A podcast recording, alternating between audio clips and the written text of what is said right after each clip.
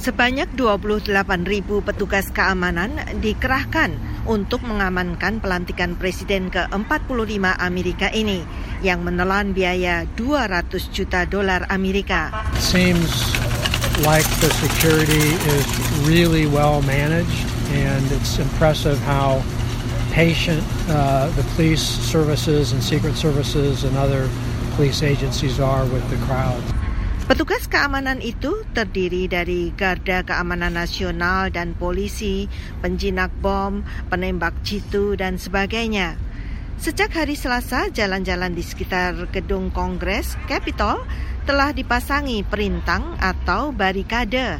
Kemudian pagar-pagar setinggi 2 meter juga dipasang pada hari berikutnya. The security, it's all over and they're very friendly. They'll talk to you and they've been very nice. I've asked lots of questions and they've gotten me where I wanted needed to go. Namun hal itu tidak mengecilkan hati para pengunjung pelantikan, baik yang menghadiri acara pelantikan maupun yang hanya menonton parade. Puspita Sariwati melaporkan untuk VOA Washington.